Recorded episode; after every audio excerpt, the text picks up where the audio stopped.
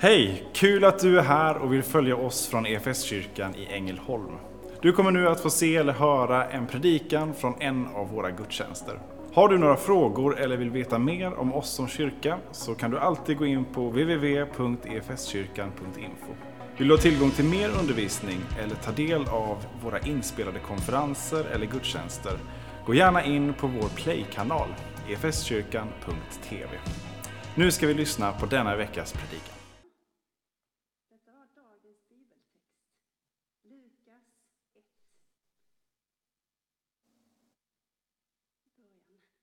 Början eh, från vers 5. Gott att få stå här. Jag eh, heter Sara Staffelt och har varit medlem i denna församling i ganska många år nu. Bor utanför Ängelholm eh, och är idag eh, bland annat ledare för ett av våra områden här i kyrkan som vi har valt att kalla för gemenskap. Så att jag tillsammans med, med några vänner vi försöker att jobba för eh, att vi som församling hittar, hittar vägar att också jobba med våra relationer. Eh, vi har haft en äktenskapskurs till exempel under våren eh, där vi har varit många, eh, många par faktiskt som har tagit del av detta digitalt. Och det kommer att återkomma. Men vi jobbar också med, med smågrupper av olika form. Vi har ett hemgruppsråd som, som stöttar med det. Och vi gör också mycket annat som värnar för gemenskap. Det skulle jag kunna prata om hela, hela denna förmiddag, men det ska jag inte göra. Utan jag vill ju stanna upp eh, inför dagens tema som är den högstes profet. För idag är det Johannes döparens dag. Eh, vilket innebär att det är eh, ganska exakt sex månader till jul. Mm. För att Johannes föddes ju eh, ungefär sex månader innan Jesus föddes. Men bibeltexten idag tar oss innan dess. Vi vet inte exakt eh, när det var när Sakarias fick den här eh, mötet med ängeln. Eh, men vi vet ju att, eller vi får reda på ganska mycket i, i bibeltexten idag. Sakarias, en, en äldre man som lever tillsammans med Elisabet som har längtat efter, efter ett barn i många år. Eh, och plötsligt när det var dags för Sakarias att gå in i det allra heligaste i templet. Det händer ju liksom inte varje dag så man får göra det som präst. Eh, men han fick göra det. Där inne så får han möta en ängel, och inte vilken ängel som helst utan självaste Gabriel. Ehm, och han får där ett Guds tilltal utan dess like Eh, om att hans fru ska eh, bli havande, att han ska få en son som ska heta Johannes. Det var väldigt tydligt. Eh, och det som slår mig i dagens bibeltext det är, vad svarar Sakarias på detta? Jo, han svarar, hur ska jag få visshet om detta? Han är alltså inne i det allra heligaste, får möta ängeln Gabriel som säger de här orden till honom väldigt tydligt. Och han frågar, hur ska jag få visshet om detta? Ja, det kan inte bli mycket tydligare, tycker jag. Um, och så funderar jag på hur det är med oss idag. Hur kan vi höra Guds röst idag? Kan vi det? Ja, det finns ju de som möter änglar idag också. Eh, det, det händer ju fantastiskt spektakulära gudstilltal idag också, men jag tror kanske inte det är det vanligaste. Men jag är helt säker på att Gud talar på så många olika sätt. För mig så handlar det ofta om en, en tanke eller en idé. Eh, som jag på något sätt inser att, nej men vänta, det här kanske inte jag har jättemycket vinning av. Varför får jag denna tanke nu? Kan det faktiskt vara så att den här tanken är någon slags tanke som Gud vill att jag ska göra någonting med? något som är lika för oss alla. Jag tror att Gud möter oss och pratar till oss på olika sätt var och en. Men något som verkligen är ett tilltal som vi alla har precis samma. Det är ju denna, Bibeln. Den har vi alla fått och den har vi alla lika liksom, lättillgängligt. Jag vet inte om någon av er är orienterare. Eh, jag har själv inte varit det, men min dotter Annie har fått göra det lite i skolan under året. Och jag gillar den här bilden som jag har hört några gånger, det här med att eh, kartan för en orienterare är ju ganska så viktig. Och att Bibeln, det är ju som vår karta. Men bara kartan i sig eh, kan ju hjälpa mycket, men om man har den där kompassen då kan man bli riktigt bra på orientering. Och där tror jag också, precis som, som Bibeln kan få vara vår, vår karta, så har vi också fått en helig ande som kan få vara vår kompass i att få de där tilltalen som verkligen liksom ge, gör liv och som gör att vi, vi hör och förstår Guds tilltal. Men vad händer sen då? Vad svarar du och jag? Vad är mitt svar när jag får den där tanken, den där idén? Gör jag, no gör jag någonting då? Eller gör jag inte någonting då? Och jag har ju exempel på när jag borde ha gjort någonting och inte gjort någonting. Men jag har liksom så här, ah, men vad är, det som, vad är det som gör det? Vad, gör det som, vad är det som gör skillnaden? Sakarias svarade, Gud, eller svarade Guds tilltal med, med tvivel. Ja, men hur ska jag bli viss om detta? Ett, ett eh, ord eller begrepp som eh, kommit till mig i mina förberedelser, som jag vill lite koppla till nu, eh, det är magkänsla. Vad är magkänsla? Kan det vara så att vår magkänsla faktiskt både kan hjälpa och skälpa oss vad gäller att, liksom svaret på, på Guds tilltal till oss? När jag googlade på magkänsla så fick jag bland annat upp den här meningen som jag tycker är ganska talande. Magkänsla är då att känna på sig vad som är sant och falskt, rätt och fel, klokt och oklokt i en viss situation. Och att det här kommer ganska snabbt. Man behöver liksom inte tänka igenom det så mycket utan man bara vet. Håller ni med? Det kan vara liksom, ja. Eh, så vad är din relation till magkänsla? Jag tycker mig se ganska så här, det finns lite så här, två kanske olika personligheter som möter magkänsla på olika sätt. Antingen så är man en person som går på magkänsla. Magkänsla är superviktigt. Jag får med mig, det, det, min, det känns rätt, min magkänsla. Det är klart jag tar detta beslutet eller det är klart jag går detta, denna riktningen.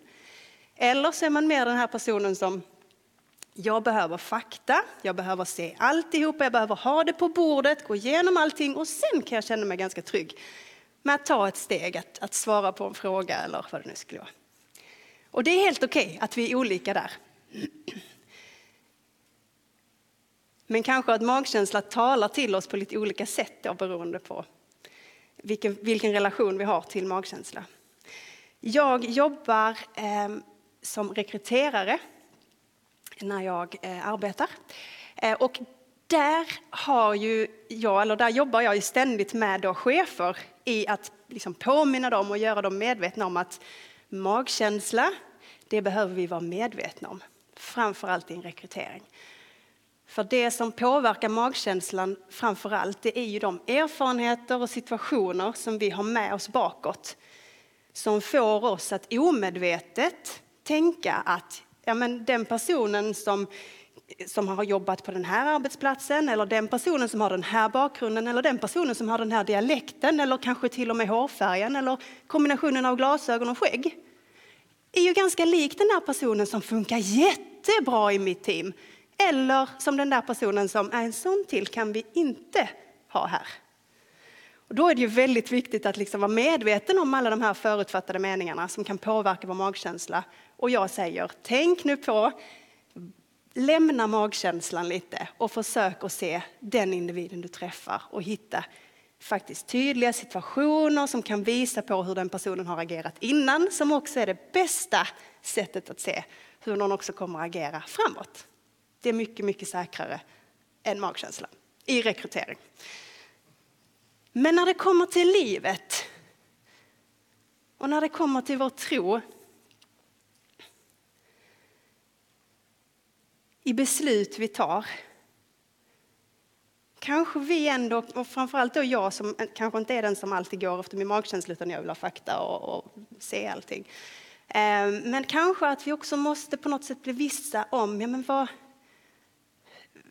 vad, vad gör min magkänsla? Vad har jag fyllt min magkänsla med? Vilka erfarenheter är det jag har med mig?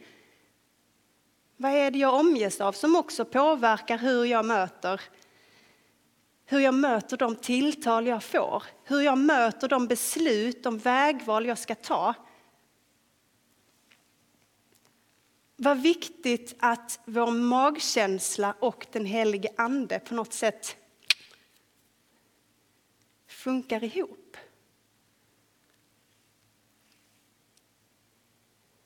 Och då tror jag det är superviktigt att vi liksom matar vår magkänsla aktivt med Guds sanningar. Guds sanning om mig. Den här är ett jättebra redskap att mata. Eh, men också sammanhang vi finns med i, relationer vi har. Jag tror vår, vår plats som, som församling och som kyrka, eh, där är det superviktigt att vi visar på att vi är inte perfekta, men vi strävar efter att ha kärleksfulla relationer Ehm, förlåtande relationer.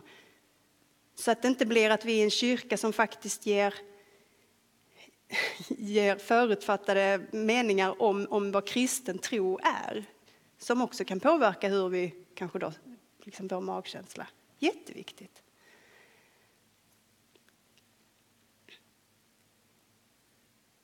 Så jag skulle önska att vår magkänsla faktiskt kan få vara ett viktigt redskap kanske till och med någon gång kan få vara genom vår magkänsla som Gud talar till oss.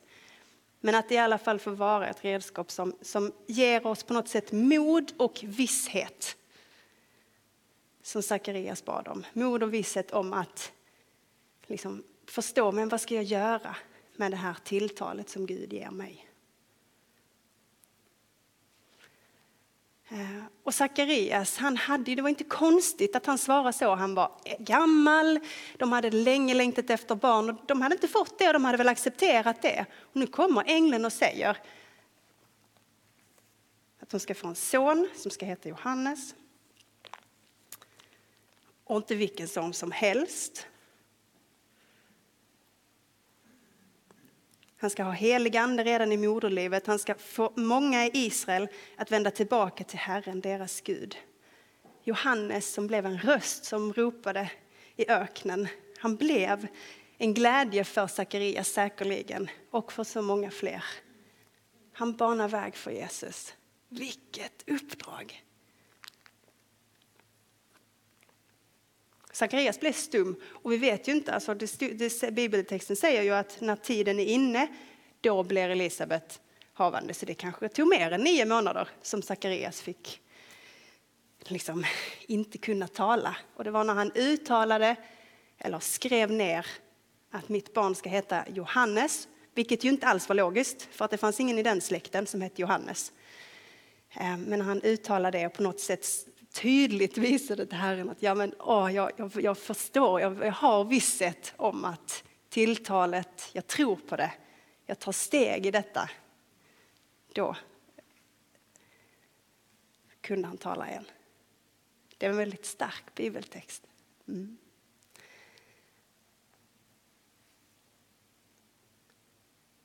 Och egentligen så hade jag tänkt att jag skulle sluta där.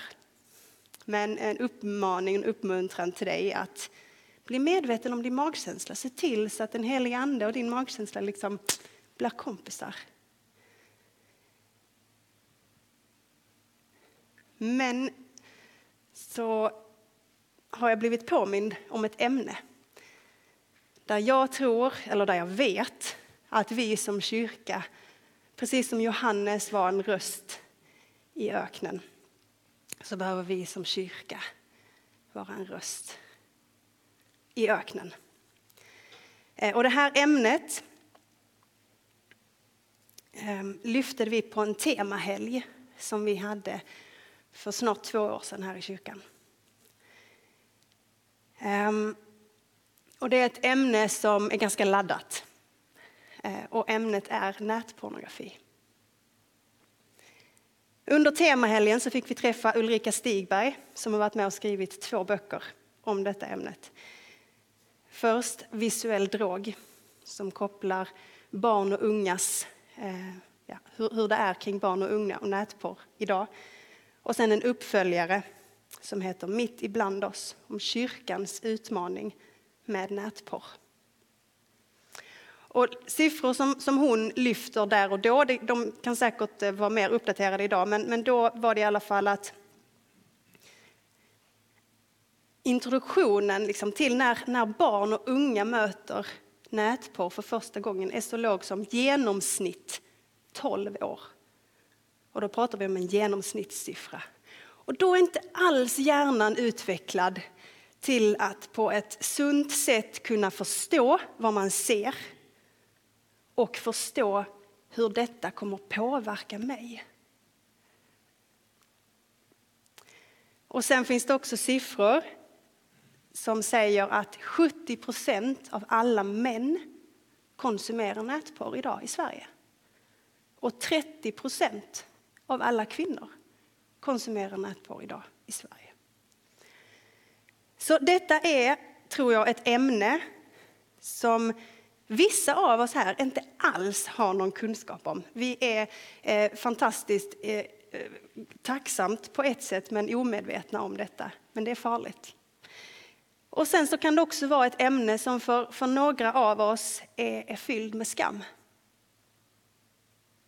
Så några kanske inte pratar om detta ämnet för att man inte vet riktigt om det. Och några av oss kanske inte pratar om detta ämnet för att det är så fyllt med skam. För att det är någonting vi brottas med. Men detta är ett ämne, mina vänner, som vi måste börja prata om på rätt sätt. Och vi måste göra det med kunskap. Och vi måste göra det med väldigt mycket av Guds kärlek. Det är mycket som har hänt de senaste åren och det har mycket som har börjat pratas om redan. Ehm, men jag upplevde att, jag, att detta är någonting vi igen måste påminna oss om så att vi som kyrka här i Ängelholm faktiskt fortsätter vara i framkant i detta ämnet.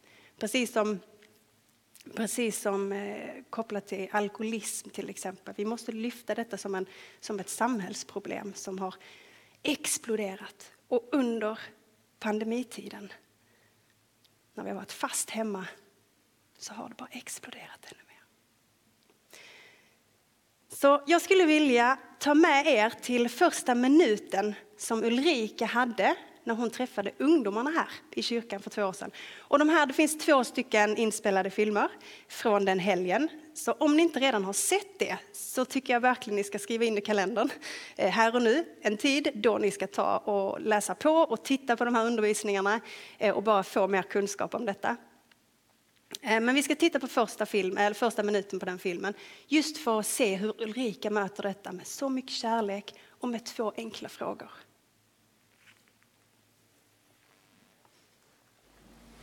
Jag måste dock erkänna att jag helst inte skulle vilja stå här framme.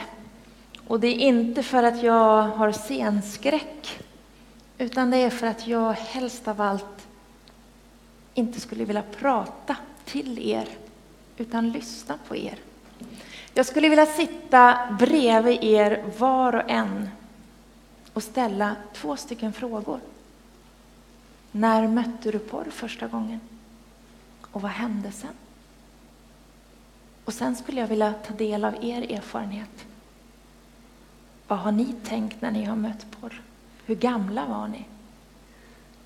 Vilken typ av porr mötte ni? Vem var det som introducerade dig? Och vad hände sen? Nu har inte jag den tiden och vi har inte den möjligheten ikväll.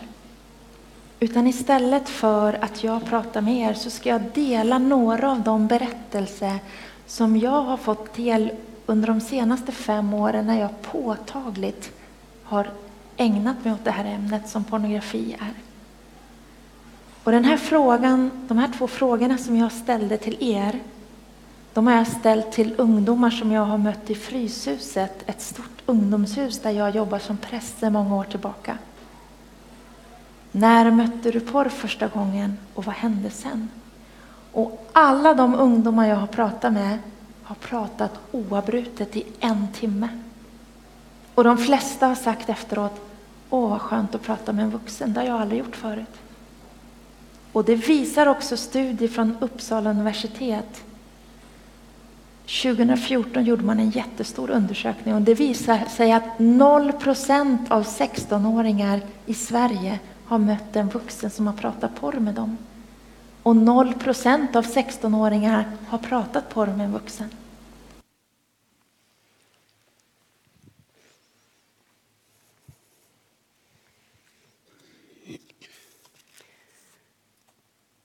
En av ungdomarna som Ulrika mötte heter Johannes.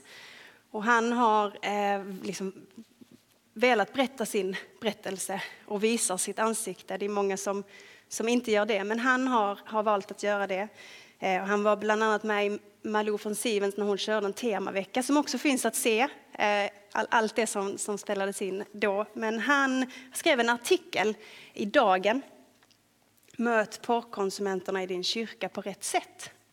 Och jag tänkte att jag skulle läsa en del av den eh, artikeln. Jag är en del av den första generation som hade en egen dator på sitt rum och som hade en internetuppkopplad smartphone i tonåren. Jag är därmed del av den första generation som genom ett fåtal knapptryck haft tillgång till allt som någonsin laddats upp och gjorts tillgängligt på internet. Hade jag bara varit tio år äldre hade jag behövt gå till en butik eller kiosk för att köpa tidningar och filmer eller hitta detsamma i någon återvinning för att överhuvudtaget komma åt pornografiskt material.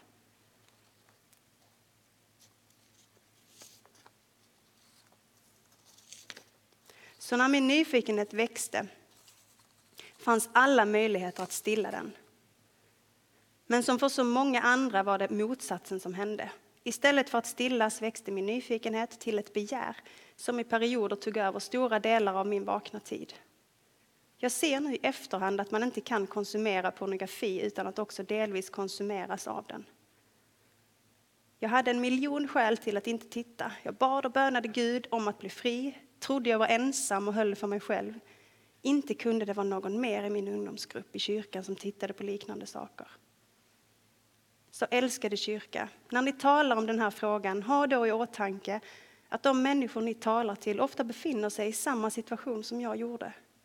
Min djupaste längtan var att kunna sluta, att starta om min hjärna och ta bort alla bilder, radera ut alla anspelningar och tankemönster som etsat sig fast. Känna mig fri och ärlig i min tillbedjan och tjänst i kyrkan. Precis som när kyrkan möter alkoholister, spelberoende eller narkotikamissbrukare behövs i första hand kärlek, förståelse, bön och praktiska verktyg för att komma loss. För att vi ska kunna bygga en kyrka där särskilt den unga generationen ska kunna stå fri från sexuella missbruk behövs både nåd, sanning och stadigt hjälpande händer. Tack Johannes för att du eh, är en röst i detta. En röst som ropar i öknen. Tillbaka till vad som påverkar vår magkänsla. Ehm,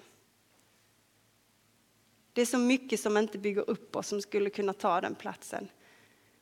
Jag tänker till alla ungdomar idag som, som också lever mycket med, med så mycket röster eh, i den sociala medievärlden som talar med sanningar som kanske inte alls är sanningar. Och vilken viktig roll vi som kyrka då har.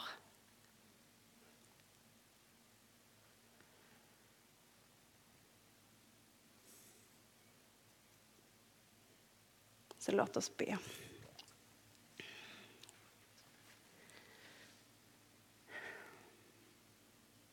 Tack pappa för att du omsluter oss med, med din kärlek, med din nåd.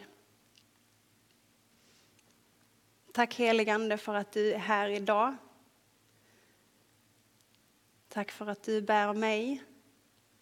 Tack för att du bär mina vänner som också är med och firar denna gudstjänst idag. Jesus, du vet precis vad som hittills i vårt liv har påverkat oss och påverkar oss eh, i att förstå och få visshet om när du talar till oss. Du vet precis vad som påverkar oss till om vi, om vi går på tilltalet eller om vi försöker gömma oss från det.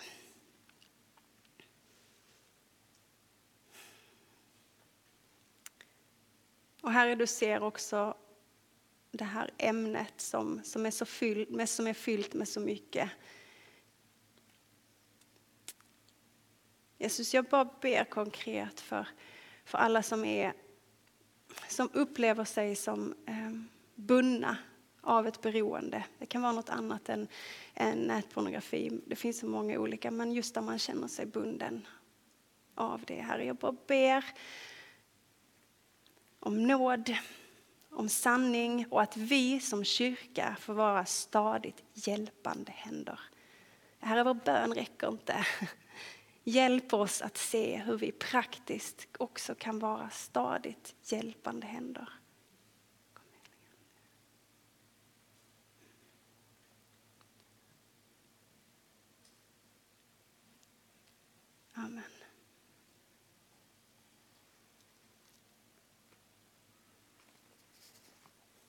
Som kyrka är det en glädje att få spela en liten roll av allt Gud gör i och genom ditt liv. Vi vill gärna fortsätta följa dig på den resan. Och vill du ta reda på vad ditt nästa steg kan vara på din resa med Gud så gå in på efskyrkan.info nästa steg. Vår längtan är att få se människor och samhällen förvandlade av Jesus. Genom en kyrka som återspeglar Guds hjärta, bär varandra och betjänar människor varhelst vi befinner oss varje dag.